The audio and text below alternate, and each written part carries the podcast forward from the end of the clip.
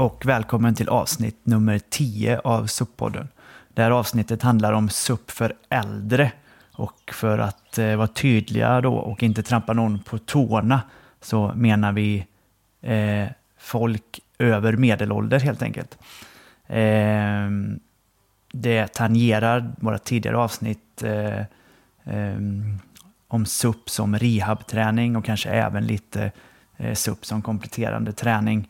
Eh, men det är ändå värt att lyssna på eh, om man befinner sig i livets gyllene ålder, om man säger så.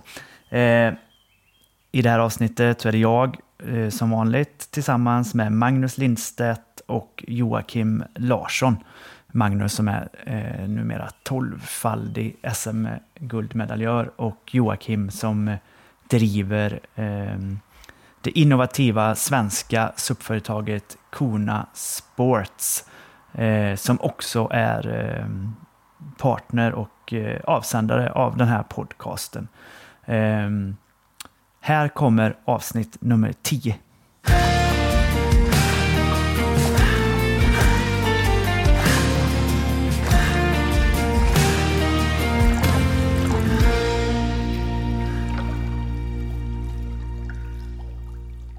Jag vill passa på att pusha för och informera om Göta kanal supplopp som kommer gå av stapeln i september, närmare bestämt 18 september. Eh, det är ett supplopp på Göta kanal där man kan paddla 5, 10 eller 21 kilometer. Eh, långa loppet startar i Borensberg. Alla loppen går i mål i Berg, eh, vid Bergs slussar. Det är ett fantastiskt ehm, en fantastisk arena för att paddla SUP på. Och eh, det kommer vara ett eh, otroligt fint arrangemang och eh, ett riktigt bra träningsmål om, om du har börjat suppa och vill ha ett, någonting att träna för. Har du inte börjat suppa och behöver suppbrädor besöker du naturligtvis Kona Sports. Vill du anmäla dig till supploppet så går du in på raceid.com, R-A-C-E-I-D.com och och eh, söker dig vidare därifrån till supplopp så hittar du Göta kanal supplopp 2021. Eh, varmt välkomna dit eh, alla som är intresserade.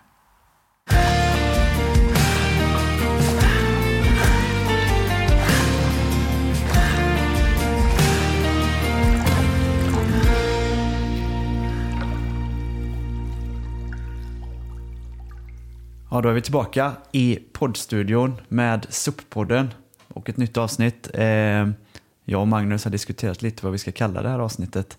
Eh, för oss har det hetat SUP för äldre, men det kan ju vara lite känsligt det där med hur gammal man är.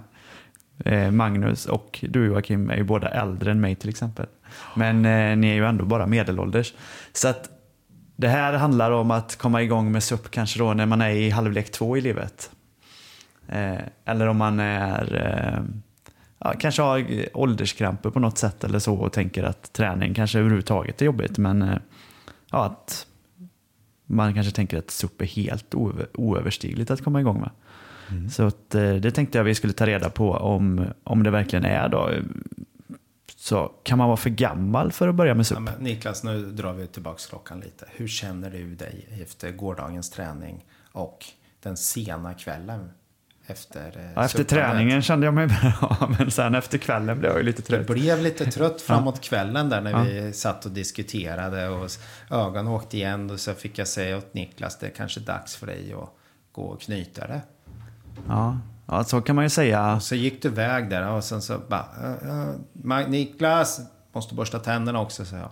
Ja, och så kan man ju förklara det om man vill modifiera sanningen. Men eh, ja, nej, vi var lite trötta på kvällen, absolut. Ja. Och men efter träningen, alltså vi var ute sent, jag och Magnus och Marcus.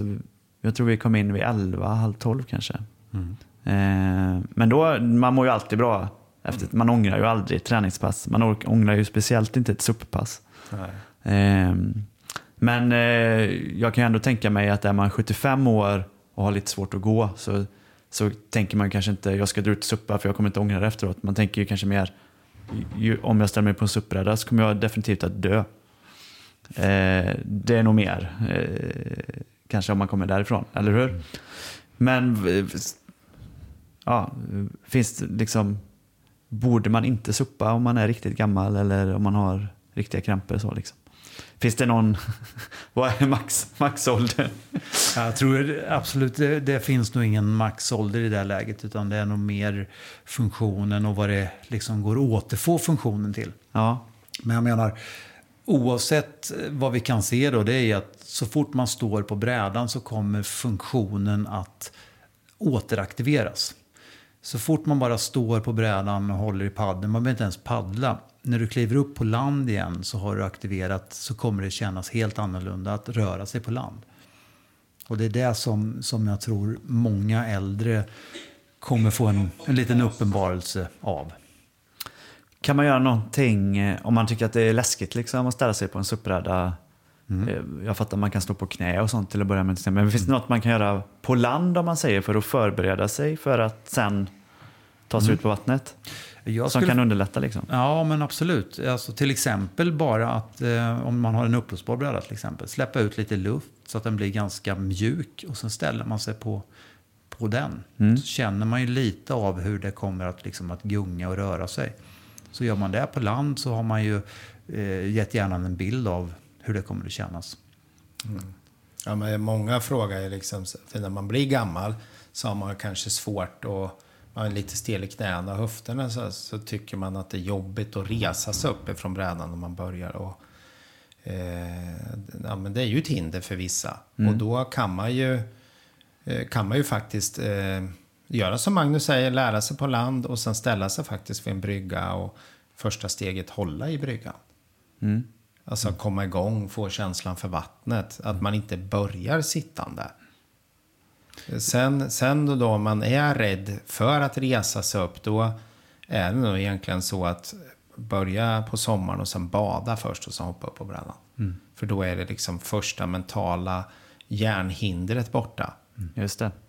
För eh. vi är liksom, man skapar sig ju nackdelar av att inte ha badat. Den, den är ju viktigare än att du inte vågar och resa dig upp. Just det. Ett annat tips är ju att, att man börjar där det kanske är midjedjupt så att du liksom står på botten när man tar sig upp på brädan. Ja. Lite lättare um, tills man lär sig att ta sig upp där man inte bottnar. Mm. Just det. Eh, ja, det tänkte jag fråga hur man ska tänka med det. För det, det tror jag själv liksom att många kan tänka, men jag börjar där det är grunt. Men mm. för grunt är kanske inte heller bra. Om man ska prata om faror, liksom, om man är nybörjare och trillar, att då kanske man inte vill Nej, att det, det ska vara stenar kanske? Och sen exakt. I Ibland om, om man är osäker på, på liksom hur botten är så ska man kanske inte hoppa ner med fötterna först.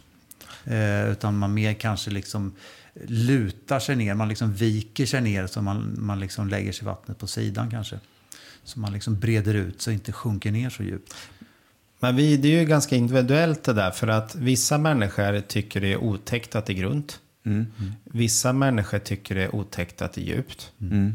Eh, och det där, eh, vi har ju sett det där redan eh, väldigt tidigt när vi hade windsurfingkurser. Så kom ju människor och då var vissa människor väldigt rädda när det var grunt.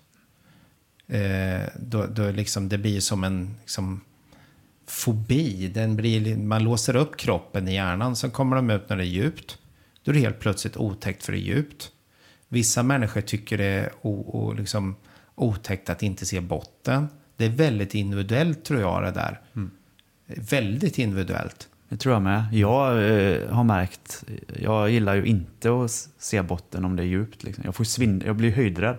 Mm. Och det, där har, det där har ju inte att göra med ålder på något sätt. Eller man kanske har lite hang-ups på att man kanske eh, tänker sig att man ska slå i huvudet. Ja, men kanske ska ha en flytväst. Mm. Det finns ju många grejer som man kan det beror ju lite på individuellt hur man är. Mm, precis. Det är lite anpassning. Man behöver ju anpassa lite för att hitta sin grej. Mm. En, en sak eh, när man är äldre, tänker jag, det här att ta sig upp på brädan när man trillat i, mm. kan ju vara det kan vara problematiskt för alla kanske. Men vi har pratat om det i ett annat avsnitt just kring flytväst. Då, att det kan vara svårare att ta sig upp på brädan med flytväst. Men mm. flytväst kanske kan vara en väldigt, som du säger, mental Mm. Eh, säkerhet, att det känns väldigt bra att ha en flytväst på sig. Ja, det är mer, det är mer eh, säkerheten. Det är, det är skallen som får berätta det här för dig. Ja. Vi kan inte säga att någon ska inte ha flytväst eller ska ha flytväst. Eller, det, det, det måste man ju bedöma själv. Ja. Och i, I det här fallet så, sagt, flytvästen kan ju komplicera lite grann. Men idag finns det väldigt bra flytvästar. Det som flytvästen gör, det är till exempel att är man inte jättealert och känner sig jättestark så kanske man måste ligga i vattnet. Om man faller i så måste man ligga i en stund innan för att hämta kraft igen för att orka ta sig upp. Då. Just det. Och då kan ju flytvästen vara eh, väldigt bra hjälp. Mm. Men eh, leash är ju alltid ett måste i det fallet. Så man alltid har brädan till hands. Just det. det. är det som är flytkraften då. Fångremmen alltså, som Ja, man har exakt. runt fotleden. Precis. Men oftast när man väl liksom kommer upp stående, jag gillar ju om man är väldigt stelställda på. Vi har ju väldigt bra här i Göta kanal för att höjden ner till vattnet det är ganska mycket. Så man hoppar ju ner så kan man ju faktiskt stå med händerna på bryggan. Mm. Och Man hålla sig. sig. Ja. Sen handlar det ju om att få ner paddeln i vattnet. För det är ju oftast där man börjar i, det, man står där och försöker balansera utan att paddeln finns i vattnet. Det är mycket svårare. Ja, men du måste se att paddeln är ju som en käpp. Mm. Om du har käpp när du är gammal så behöver du ha en paddel i vattnet för att du ska liksom kunna få bra balans. Får ett stöd helt enkelt. Och nästa steg är ju egentligen att driver du, alltså dra lite i paddeln så har du ju någonting att hålla dig i. Mm. Så, så, farten, farten ger ju också stabilitet. ja, så du har ju liksom stabilitet 1. Det är ju när du ligger still. Det är svårare. I med paddeln, du ökar hastigheten, stabilitet 2 kallar vi det. Det blir stabilare och det blir enklare för att du drar det framåt. Så många ger ju upp innan de har stoppat i paddeln och kommer i fas 2. För i fas 2 så är det mycket enklare. Så, men jag har inte, ur alla år så, jag har väl haft någon liksom in, som inte haft en balans. På grund av att man har någon skada av något slag. Man har liksom slått ut balanssystemet. Eh, Men att stå och hålla och dra lite paddeln, det, det går ganska fort att komma igång. Alltså. Just det, är det, du sa att man kan börja på lite så här midjedjupt vatten för att känna sig lite trygg kanske. Är det De- lämpligt att också så här, från midjedjupt vatten testa att ta sig upp på brädan några gånger? från exakt. Det vattenläge? är, det är precis det jag menar. Man, Ja. man går i så man står på botten och tar sig upp därifrån. Då. Ja. Här finns det ju, jag har jobbat med en del äldre, eh, alltså relativt gamla Äldre? personer. Vad menar du då, Magnus? Betydligt äldre än mig. Eh, Ja. så, och här ser man ju, det här är en, en, också en funktion som, som begränsar oss då. Alltså att hjärnan, eh, om hjärnan inte är trygg med att vi kan ta oss upp ifrån liggande på marken så kommer vi inte våga röra oss längre. Det är det som bland annat leder till att vi helt plötsligt slutar vi cykla, helt plötsligt slutar vi gå för att vi är rädda att ramla. Så att den bästa träningen för äldre det är att lägga sig på marken och ta sig upp till stående. Eh, och det här kan man göra på olika sätt. Att man kan lägga sig på rygg, rulla över till mage, komma upp stående därifrån. Eller sitta på golvet och ta sig upp stående. Så fort hjärnan vet att vi kan hantera det, då vågar vi fortsätta att röra oss på ett, ett naturligt sätt.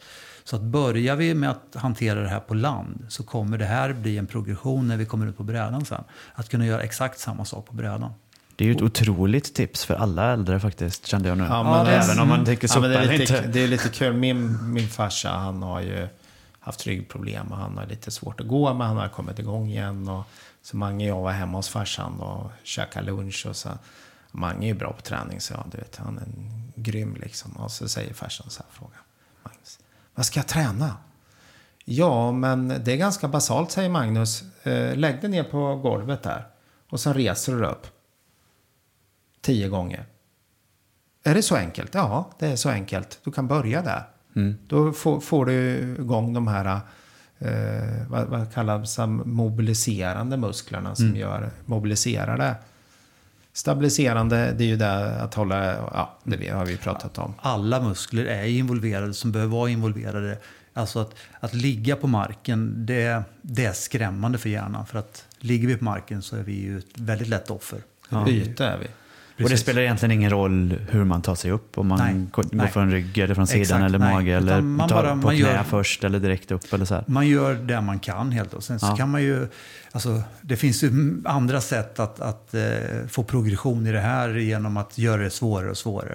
Vilket gör att suppen då, att ta sig upp liggande från suppen, det är ju Ja, men bättre många, så det. många äldre liksom, de börjar ju fundera på att de ska sitta ner och ha säten och grejer. Mm. Men det är ju regel bara för att man inte har tagit sig tålamod till att träna upp kroppen. Mm. Ja, men Erik Sander som paddlade då 230 mil genom Sverige förra året på en, en, en bräda som vi säljer som är 14 lång och 24 eller 26 bred. Alltså, det är en ganska smal bräda. Han paddlar 230 mil. Eh, Hur kände han sig efteråt? Ja, men han var tvungen för att av belastningssynpunkt som var ju tvungen att sätta sig ner ibland. Man Ja. står på åtta timmar är jobbigt bara genom att stå. Eller hur? Paddlade han en del på knä då? Stående på knä eller? Nej, jag tror, eh, jag tror egentligen eh, hans paddla aldrig stående på knä. Det är ganska jobbigt att stå på knäna. Mm. Det är näst, eh, han fick sätta sig ner. Vi hade gjort så vi anpassade packningen att han skulle kunna sätta sig bakåt. Okej. Alltså, så han hade packning både bak och fram Ja. på brädan. Men det funkar ju bra. Eh, Så det finns ju sätt. Men, men att eh, börja sitta ner och i, en- stol är ju en konsekvens av att man helt enkelt inte har de stabiliserande musklerna som man borde ha. Just det. Eh, Men det är alltid skönt att sitta ner. Men det kan ju också vara så att man sätter sig ner gränsle över brädan för att vila sig lite. Som en surfare, man sätter sig gränsle. Ja, precis. Att man, eh, när man paddlar så står man upp och när man, när man vilar sitter man ner. Det kan man faktiskt vara lättare för vissa människor att sitta gränsle. Ja. Häva kroppen framåt, dra upp benen bakåt, stå på alla fyra. Titta framåt då i horisonten. Ta första steget, höger eller vänster ben beroende på om man är goofy eller vad heter det? Goofy Då eller regular. regular. Goofy eller regular. eh, Folk som är så gamla som Magnus pratar om Som vet om vad det och betyder. Nej, men det, är ju, det, de är- det vet man ju liksom. Så, så att det Jag finns... träffade Per Holknekt eh, nyligen. Han hade ju koll på det i alla fall. Mm. Ja. Gammal skatare. Ja. Freestyle skater. Ja, men det vore nog bra för Per att börja med SUP. Det är stabiliserande. Mm. Det Han tror jag gillar ju skate och sådär. Ja, men han har haft ganska mycket ryggproblem och är opererad och sånt och har precis börjat kunna springa lite igen. Jag tänkte faktiskt på det när jag träffade honom, att SUP hade nog varit något för han. Mm. Men eh, jag hade inte riktigt tid att rekommendera det. Nej, men då utmanar vi eh, Per Holkneck på att börja och supa. Jag ska bjuda in honom till, eh, till vårt SUP-lopp faktiskt, så får vi se om ja. han nappar. Just Och eh, vi erbjuder då en eh, liten kurs här på några timmar på vårt kontor utanför på Göta kanal om man vill komma hit någon helg innan. Ja, Eller någon vardag. jag ska kolla upp detta. Så Mange ställer upp på det. Ja, men det gör jag. Absolut. Ja, vi får se om han nappar. Ja. ja, men det är ju... Det är ju bra tips. Vi pratade om hur man tog sig upp på brädan. Ja, du sa från gränsle, sittande gränsle, man lutar sig framåt, upp med benen och sen upp med ett ben i taget. Då. Det här har vi ju... Det, alltså när man tar sig upp på en SUP-bräda så gör man det antingen från sidan på brädan eller bakifrån på brädan. Då. Och ehm, det snabbaste är ju oftast att ta sig upp från sidan. Man lägger upp överkroppen och sen så roterar man sig i, i liggande position eller till liggande position. Och samma man eh, simmar upp bakifrån och drar brädan under sig helt enkelt så kommer man upp till, också till liggande position. Så man liksom går upp från akten på brädan kan man säga. Ja, exakt. Precis. Så Man, i ju, man behöver ju inte paddla första gången. Man kan ju faktiskt lägga sig på brädan, köra lite sit-ups, lite rygg, liksom lite armhävningar. Alltså för att få eh, vågkänslan. där Det är ändå en amplitud på vågorna som tar ett tag innan nervsystemet liksom förstår. Jag skulle säga att, att, att för har man aldrig provat, om man är osäker på sin balans och osäker på liksom att falla i och sådana saker. Att, att bara vara på brädan, att, att sitta eller stå, eh, det är det första man egentligen ska göra. Och efterhand så kommer man successivt kanske komma upp på knä och sen därifrån upp till stående. Då. Och det, jag menar, det kanske är flera träningspass i sig. Just det. Och när man liksom lyckas med det så räcker det ju oftast att bara stå och glida på brädan. För att du kommer aktivera så mycket stabiliserande muskler och mobiliserande muskler. Så långsamt, långsamt kommer ju nervsystemet igång. Mm. Och du lär dig det här. Och det, det är ju... Alltså vi, vi ser ju många människor som går ut första gången och får slita verkligen med det här. Och de är ju jättetrötta efter bara 20 minuter. Vi kan ju se sådana eh, svettningar på människor. Dels av det här kanske skräcken av att man är på vattnet. Ja. Samtidigt som man då verkligen har satt fart på de här nervbanorna och den här balansen. Det är häftigt liksom. Det är, det är nästan så vi kan få en känsla av att folk är nyk- onyktra lite efter en eufor, alltså man får en euforisk känsla. Och det, det, det jag upplever i många fall, det är efter man kommer upp på land igen, så hur lätt kroppen känns. Alltså att man liksom, stegen, man nästan svävar. Och det, det är det jag tror att många som har eh, krämpor har liksom eh, konstant värk i kroppen. Jag tror att eh, många kommer få en, en annan upplevelse efter att ha paddlat lite grann. Ja, ja, jag upplever ofta att jag är som en fjäder. Och inte en fågelfjäder Mm, utan en sån riktigt bra bil, bilstötdämpning. Ja, att man liksom är väldigt, dis, kroppen blir distinkt Mm. och svarar. Och, Och det, det är ju precis det här vi strävar om vi, om vi går till liksom prestationsnivå. Det är det vi vill, att kroppen ska svara så snabbt som möjligt på paddeltaget. Då. Att vi inte är konstant anspända, utan vi är anspända exakt i rätt ögonblick. Och då är hela kroppen anspänd. Vi pratade ju lite om flytväst och hur man tar sig upp på brädan och sånt. Men ehm, om, man, om man pratar säkerhet Mm. på SUP, eh, är det samma regler då, eller vad man ska kalla det, för eh, äldre människor som för yngre? Alltså här, med självräddning och Mm. att kunna hjälpa varandra på vattnet. och Sånt. Är det lämpligt att alltid vara två personer eller hur ska man tänka kring Ja. liksom, säkerheten? Finns det speciella Ja, saker det, att tänka på? Ja, men det skulle jag säga. Eh, Och när vi pratar om självräddning så handlar det om att ta sig upp på brädan. Ja. Att rädda sig själv ur vattnet. Just det. Och här är det ju perfekt om man är till exempel, gärna vara två om man aldrig har gjort det här innan. Och det är ju att faktiskt lära sig en metod att hjälpa varann upp på brädan. Att man liksom kan paddla dit, lägga till, hålla brädan stabil när den andra ska ta sig upp och sådana här saker. Just det. Och det, vi kanske får visa det i någon video här också sen hur, hur det kan gå till. Mm. Ehm, just det, det var säkerhet och självräddning. Eh, annars är det samma saker man ska... eh, Ja, ja. Det, det, det är inga konstigheter. Eh, Jag har sådana fantastiska upplevelser av äldre. Alltså de kommer och de är rädda att liksom, ja men det här med hur tar man sig upp på brädan igen och, och eh, är det inte svårt att hålla balansen, sådana saker. Att det är så häftigt att se när folk blir barn på nytt.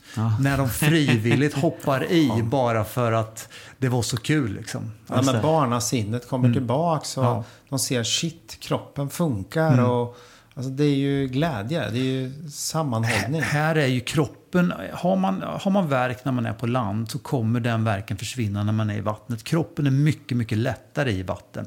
Så att man rör sig mycket smidigare när man är i vatten. Och det är också det som jag tror kommer hjälpa till att faktiskt behålla hälsan och, och funktionen. Ja, men det du säger, du aktiverar ju så extremt mycket muskler runt de här äh, krämporna. Så du får mer hjälp av hela kroppen att hantera dina krämpor. Men att diskbråck till exempel är ju en nervskada. Det är ju för att diskarna slår ihop och trycker på någon nerv. Det är klart att kan vi minska trycket lite grann genom att bygga upp de här små musklerna, då blir vi av med smärtan. Och det kan ju göra att man kan faktiskt göra fler saker. Så jag menar, om vi ska titta på en ren promenad rent genetiskt så är det ju så att vi blir mer uthålliga med åren. Så vi behöver ju egentligen inte bygga uthållighet. Vi, snarare så ska vi ju bygga balans och styrka. Så att förstå om vi kan få igång de eh, som gillar ut och gå, att ut och suppa tillsammans, så kommer ju de få en fantastisk upplevelse, men framförallt en fantastisk, fantastisk träning. Och och man funderar ju ibland på varför människor går ut och går och in, som har en SUP-bräda och kanske ett bra vatten, att de inte går ut och kör SUP istället. Men det handlar ju egentligen om att man har ett beteendemönster som är svårt att bryta. Så när man börjar bryta mönstret så händer det nya grejer. Exakt. Och det, Här är det ju, min rekommendation är ju att det enda man egentligen måste hålla igång hela tiden, det är ju balansen. Så oavsett vilken, eh, vilken balans man har så måste man alltid provocera den för att få en, en progression. Och det är samma som eh, när man blir gammal. Alltså att mm, här har vi våra nuvarande förutsättningar och det är de vi jobbar mot hela tiden. Så även om jag haft bra balans eh, tidigare så så um, har jag det kanske inte nu. Och det gör att allting blir bättre bara genom att, att, att provocera balansen. Just det. Eh, en sak som jag, det vet jag inte om det generellt stämmer, men jag vet i alla fall på äldre i min närhet är ju att vattentemperaturen är väldigt känslig. Man vill liksom inte vara i vattnet när det är för kallt. Men Nej. Det finns ju ofta i badhus, uppvärmda mm. pooler och sånt, där man kan promenera i vattnet just Exakt. för att få lite mindre, jag vet i simarenan i Borås finns det mm. liksom motionscyklar som står på botten så man kan sitta i vattnet och cykla och mm. sånt. Finns det, jag tror att jag någon gång har sett sån här SUP-yoga inomhus i en bassäng. Ja, hade, man kunnat, finns, ja. hade man kunnat, liksom, om man eh, mm.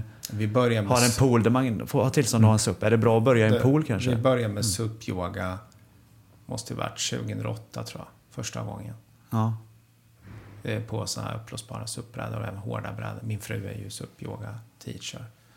Eh, och vi... Inomhus då, eller utomhus? Utomhus på ja. sommaren. Även en, det finns en tjej härifrån Motala som jag tror var eh, den första som höll på med SUP-yoga i Sverige. Ja. Hon heter Carola Donata. Hon har ju bott på Bahamas och tränat eh, filmstjärnor. Ja. Eh, och eh, som en, enskilda kliniker. Sen därefter har det ju kommit många som säger att de är först. Det är alltid först eller störst eller så här, men så är det ju inte. Det finns alltid någon som varit före. Eller hur? Eh, men då, det som slog mig då, det var ju inte att vi fick de yngsta. Det var ju faktiskt nyfikna damer mm. som kom. Och det behövde inte vara damer som var liksom 40 år. Det var ju damer som var 60 år. Mm. Och vi har ju damer just nu då som är 70-75 som kommer och går SUP-yoga. De kanske inte gör alla övningar, men väldigt många gör dem. Mm. Och de, de, det känns som de mår bra i kroppen. Jag tänker att om man är orolig för allt det här med SUP och vatten och djupt och grunt vatten och allt sånt där. Så en inomhusmiljö hade kanske varit väldigt trygg att börja i. Jo, men samtidigt så är ju det trevligt, det är lite varmt och så. Men mm. sen får man ju förhålla sig till poolkanter. Då finns det ju de människor som har fobi att man ska ramla och slå huvudet i kanten. Mm. Så att alltså, vara ute på sommaren, eh, det är ju ändå liksom...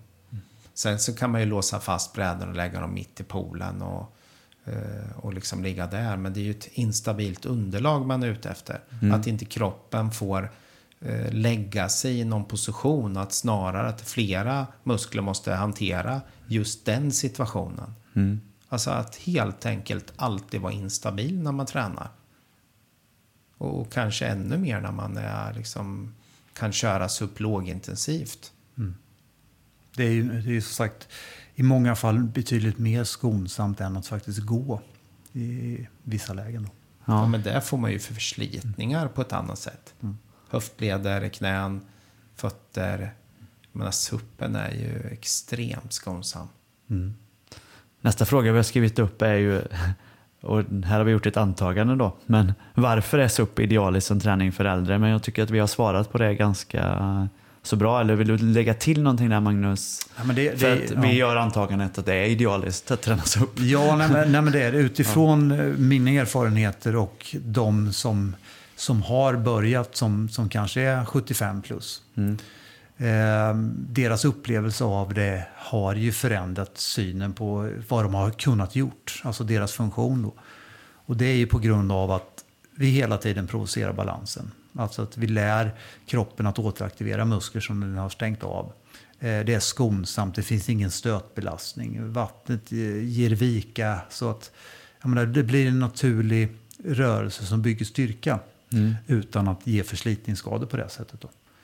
Och, och, att bara vara på brädan, att provocera balansen på det sättet och vara i eller på vatten i det här fallet gör att man kommer uppleva nya situationer på land mycket, mycket tryggare. Finns det, det, Finns det några andra alternativ till SUP som är likvärdiga? Eller? Jag har tänkt, alltså lång tid innan jag började med suppen själv då, eh, att hitta liknande som kunde få det här. Men jag har faktiskt än inte hittat några som är så effektiva. Windsurfing. Ja, men det, det, det blir ju Kanske. genast lite mer komplicerat. Ja, det var lite skämtsamt. Tillgängligheten. Just vågsurfing och Ja, men ja, windsurfing är svårare Exakt. Nej, men man, nu finns det ju liksom, om man tittar lite på windsurfingen som kom på 70-talet. Och jag har ju till exempel en kille i USA som heter Bruce Matlock. Han var ju världens första världsmästare i windsurfing. Han eh, seglar ihop med oss i USA. Eh, han, är, eh, han måste vara 75 tror jag han är. Mm. Och han seglar ju fortfarande, seglar inte i den värsta vinden längre, men han seglar ju fortfarande. Och han är verkligen en atlet fortfarande. Och han är vital, han sitter på Facebook, han eh, trycker upp t-shirt nu och promotar windsurfing. Alltså det är ju en riktig krutgubbe. Jo, men han, då har han varit världsmästare när han var ung också. Jo, det är kanske men- inget man nej, börjar men han med. har varit man- ifrån det där. Men det är ändå häftigt liksom Ja, det är att han har superhäftigt. Bibehållit den vitala grejen. Och jag tror ändå att att hålla det vitala handlar ju väldigt mycket om att ha igång det här nervsystemet, funktionen i kroppen. Det är ju ingen, det är ingen eh, men, jag menar, det hjälper dig. Jag, jag tänker ändå liksom att kan du vara där, du får barnbarn, du kan ändå vara med dem. Jag tänker ju väldigt mycket i det jag gör idag, att man investerar i tiden för att kunna vara relevant framöver. Oavsett om jag... Och bästa sättet att vara relevant är ju att kunna vara med. Ja, men det är det jag tänker, att, alltså, att våga vara med. Ja. Och, och det är klart att börja fysiken tryta, man sätter sig hemma och inte utmanar sig själv. Då minskar ju chansen att vara relevant. För det enda vi vet är att utvecklingen går framåt. Och investerar du inte tid i att se vad det är som utvecklas, till slut så kan du inte prata med barnbarnen. För de kanske bara pratar via eh, någon chattfunktion. Ja, TikTok. eh, Ja, TikTok. Har du eller vad TikTok vill. Joakim? Jag har börjat spana på det faktiskt. Och jag har faktiskt kompisar, men jag, jag tycker det ser lite löjligt ut när de dansar. Så jag har hållit mig från det där just nu. Men det är ju så att om man inte vågar så kommer du inte röra det framåt. Va? Nej. Och, och det ska jag bara utmana alla. Det här är ju ett, SUP är ju ett sätt att kanske först mentalt tycka att ja, det ser löjligt ut. Det, det är ingen kraft i det där och, och det där ser det bara mjäkigt ut. Ställ dig på en SUP-bräda och testa. Väldigt många som har fått den upplevelsen stannar ju eh, och gör, fortsätter att göra. Så eh, mentalt så är det ju väldigt många som säger till själv, sig själva att det där ska jag inte testa. Då är det första steget till förfall, brukar jag säga. Att du inte vågar testa nya saker. Ja, nej, men det kan jag hålla med dig om. Absolut. Men om man är i den här målgruppen då, om man säger, och man eh, kanske ändå tänker att ja, men det låter ju helt fantastiskt. Det skulle jag verkligen vilja göra, men hur ska jag göra det? Hur, och inte liksom våga börja själv. Finns det kanaler, kurser, vad kan man göra liksom för att komma igång och få hjälp att komma igång? Det finns ju liksom uthyrare, det finns ju kurser över hela Sverige. Så. Eh, Det som är, det vi har sett då, det är ju det att det är även när man väljer bräda så ska man testa brädor. Eh, Men problemet är ju det att i och med att nervsystemet utvecklas så snabbt så kan det vara svårt att veta vad är, det liksom, vad är i slut, slu, slutpunkten om två veckor jag ska ha. Så det är ju det är där vår Magnus skills och liksom de som håller på med det här, det är ju där skillsen kommer in. Så, så vi, vi ser väl mer och mer att man inte behöver. Man kan lita på råd och det finns liksom tillgång till att byta och sådär. Det är lite av det vi försöker göra nu. Bygga verkligen långsiktiga koncept där man faktiskt inte behöver känna att det här är slutpunkten. Man köper en första bräda. Eller att man köper för avancerad bräda. Man ska ju alltid kunna eh, liksom finna det. Och, och att utveckla produkter som är kortsiktiga, då kommer man ju inte som företag kunna hantera det. I det här fallet skulle jag säga att, att här så, så, ska man ju definitivt välja en stabil och trygg bräda från första början. För det är då vi kommer successivt våga.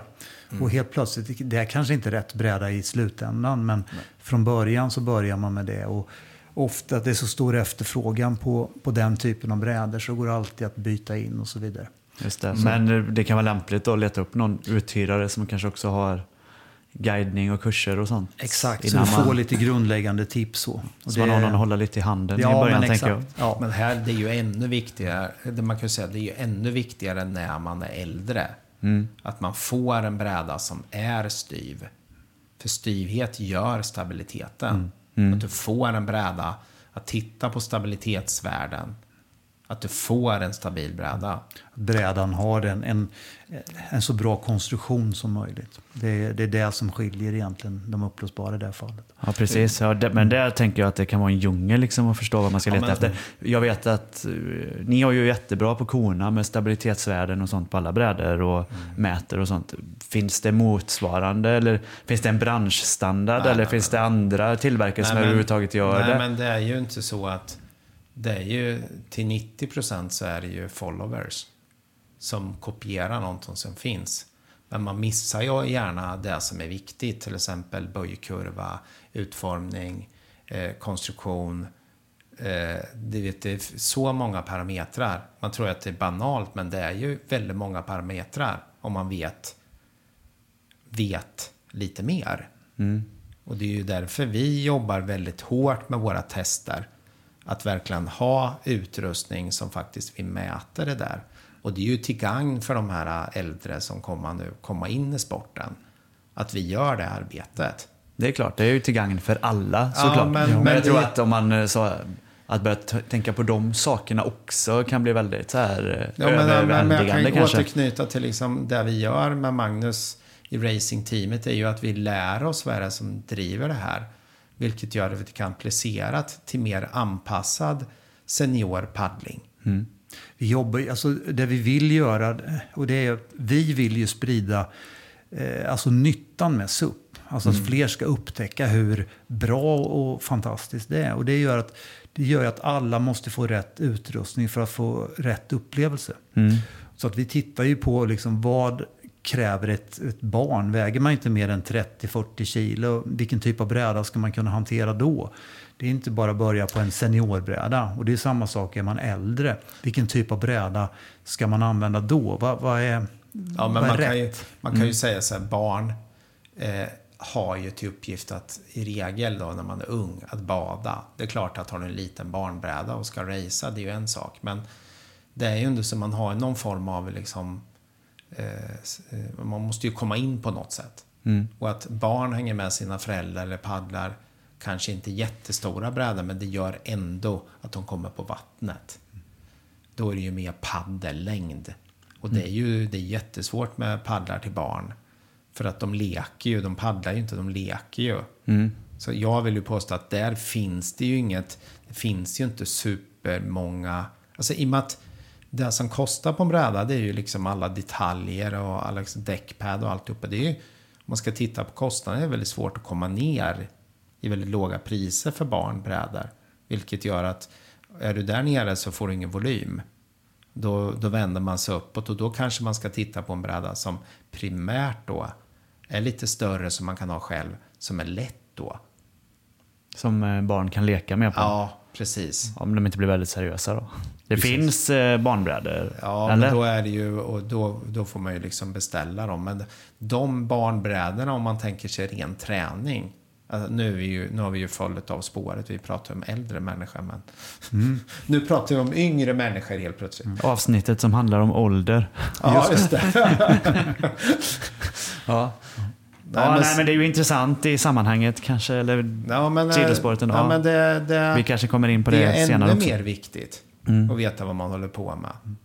Jo, men, och, men det här är lite som menar att, att vi, vi vill ju göra eh, utrustning i det här fallet som, som alla kan ha nytta av oavsett ålder. Mm. Så att jag menar, om du, du kan ju vara plus 75 fast väldigt, väldigt väl trimmad. Och sen så kan du ha, eh, ja, lida av olika skador eller sjukdomar och så vidare. Du kanske behöver ha en annan utrustning. och det, det. viktiga är att du får rätt utrustning. Det är där vi, jag tror att eh, vår, vår roll är att hjälpa att ge människor rätt utrustning. Ja, det precis. primära är ju precis att anpassa. Man, det som Magnus säger, du kan ju vara jättevältränad och ha en skada i ena benet vilket gör att du kanske inte kan hålla balansen. Det är ju den förutsättningen man har då. får man ju förhålla sig till det. Men vår, vårt fokus är ju alltid att faktiskt ge de råderna där man faktiskt utifrån budget välja det som passar. Annars har vi misslyckats faktiskt. Det jag sätter ju oerhörd prestige i att ver- verkligen hitta rätt. Ja, men det, sen kommer det till det här igen, alltså att när vi ser nyttan eller värdet av någonting, då, då kommer vi också att prioritera det. Och då tar vi ju lättare investeringen. Vet vi inte vad det ska leda till och om vi, är det här för mig? Ja, men då är jag inte lika beredd att investera. Nej. Och jag menar, och det är det här det är det som, som vi i mångt och mycket kan hjälpa till med.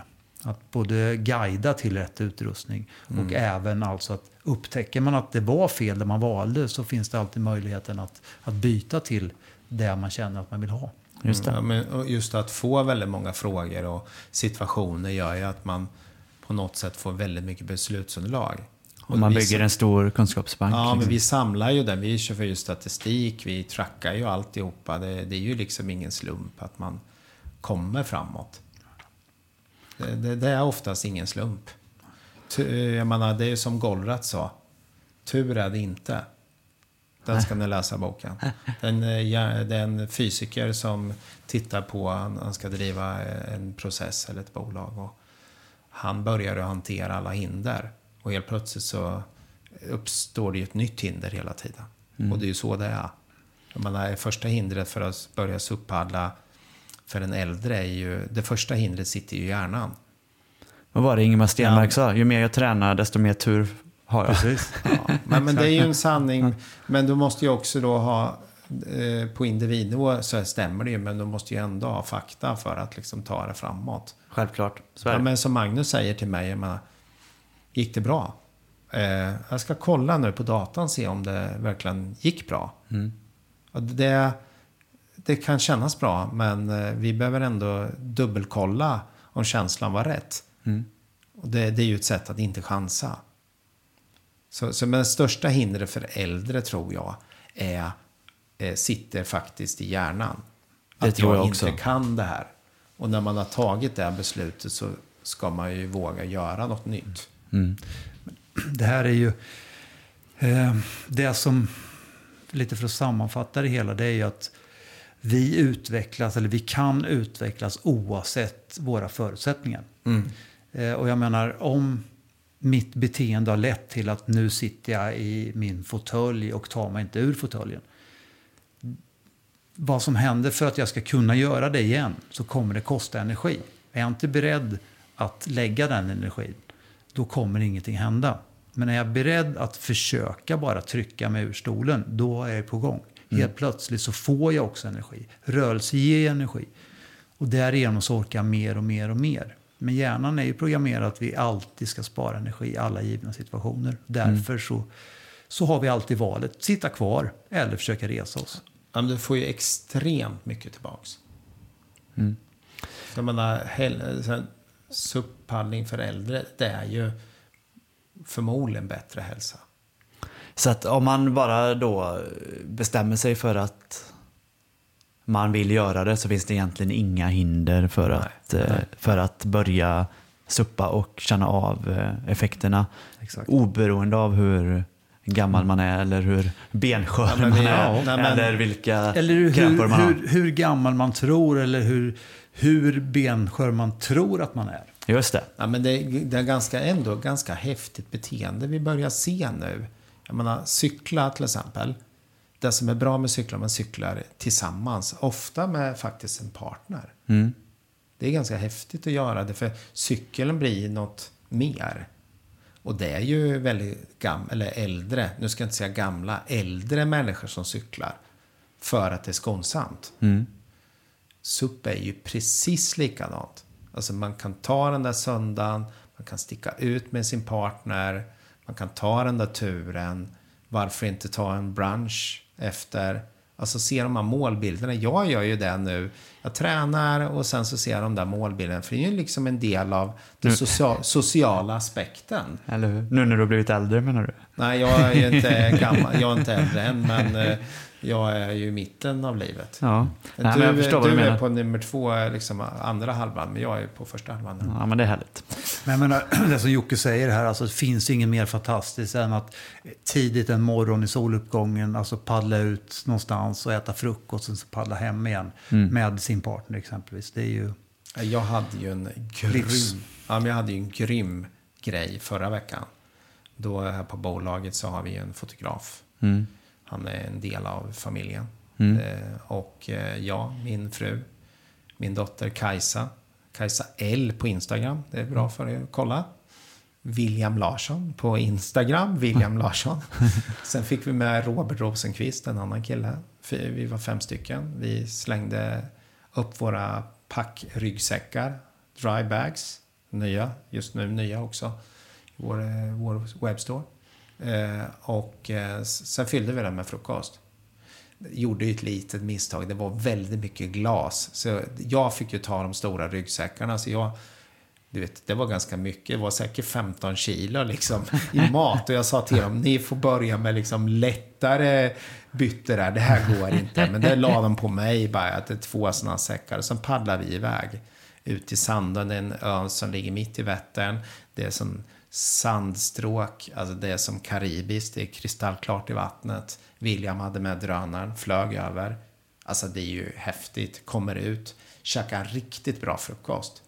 Softa lite, bada lite, paddlar hem, möter eh, solen igen då. Vi paddlar i, i, i spegelblankt vatten, kör hem, stannar, badar, kommer i mål, genomsvetta, varit ute tre timmar. Alltså, det, du är skön i kroppen. Alltså, Ja, det men är- där har man ju haft umgänge, natur, träning, Ja, nöje. det är, ju, det är ju så mycket mer. Och sen så har man tränat samtidigt. Det är ju det, det är ju där vi rör oss åt. Vi vill ju ha en, inte bara pina längre. Vi vill ju ha en, en, vad jag säga, en, ett lyckorus av det här sammantaget. Och det vore väl jättefantastiskt om vi nu tar de här som är på andra halvan, som vill utveckla sig, att de skapar egna grupper och gör det här och paddlar kanal med andra. Eller hur? Med de man brukar spela golf med kanske? Ja, definitivt. Ja. Och, och där kan man ju liksom se, det är ju liksidigt. Det är väldigt bra för kroppen. Jag skulle ju, vi pratar om det här kompletterande idrott då, och se effekten av SUP för sitt golfspelande. Den är intressant. Ja, ja men se där. Det finns Eller kopplingar överallt. paddelspelande. Mm, det glömde absolut. vi ju. Vi skulle Ja, ju ha tagit upp det här med Paddla för paddel. Nej men alltså det här, nu har vi ju tagit upp, upp konditionsidrotten men vi skulle kunna titta på det här med enkelsidig sport som tennis, paddel, golf. Där det här kanske är ännu bättre. Och Det är ett, i, i, det, I de fallen så är ju, ja, det finns nästan ingenting som är så, så eh, effektfullt som SUP för att bli mer liksidig. Nej, starkare i bålen, komma ut längre i hörnet, lobba över kompisen, Eller hur? Ja, dra till eh, järndra, eller eh, liksom drivern. 280 meter mitt i hålet, bara rulla ner. ja men eh, det tycker jag ändå är, det är väldigt intressant. För det borde vi kunna återkomma till i ett senare avsnitt. Just eh, alla de här ensidiga sporterna och eh, för, eh, möjligheterna med eh, SUP för de som utövar det. Men ska vi knyta ihop säcken lite för eh, i- som befinner sig i den gyllene åldern. Just det. Ehm, Golden age. Precis, men ja, som jag försökte sammanfatta lite tidigare då. Egentligen så finns det inga hinder att börja bara man har viljan. Jo. Och eh, det kommer inte försämra något. Utan definitivt. snarare Jag, jag skulle vilja kalla det avsnittet SUP for the golden age. Ja, men det kommer vi göra. Sup for the golden age. Det är det här avsnittet. Gyllene åldern på svenska. Just det. Ehm, ja, men då tycker jag att vi avslutar där. Säger tack för idag. Och så återkommer vi nästa gång. Och då tror jag att vi kommer prata om att träna inför SUP-motionslopp som eh, dyker upp allt mer i alla Sveriges hörn. Och eh, kommer vi även prata om vårt egna som vi arrangerar på Sveriges kanske bästa SUP-arena. Mm. Ja, det är fantastiskt. Göta kanal, Borensberg till Bergslussar. Fantastiskt. Eh, ute efter de här eh, åkrarna som har raps. Eh, superbra för eh, det här är i september, man hinner träna. Det ligger i en väldigt bra vinkel där man tittar på jordrotationen så är sydvästlig vind den vanligaste vinden. Så du har i regel vinden i ryggen. Så egentligen är det enda motionsloppet i Sverige som kommer att gynnas av att det är storm. För då kommer det oftast från sydväst. Vi kommer berätta allt i Det är nästa ganska avsnitt. häftigt, alltså att hitta det spåret. Alltså det handlar ju bara om tur. Att det finns, ligger i den riktningen, är schysst alltså. Härligt. Tack för idag. Tack. Tack.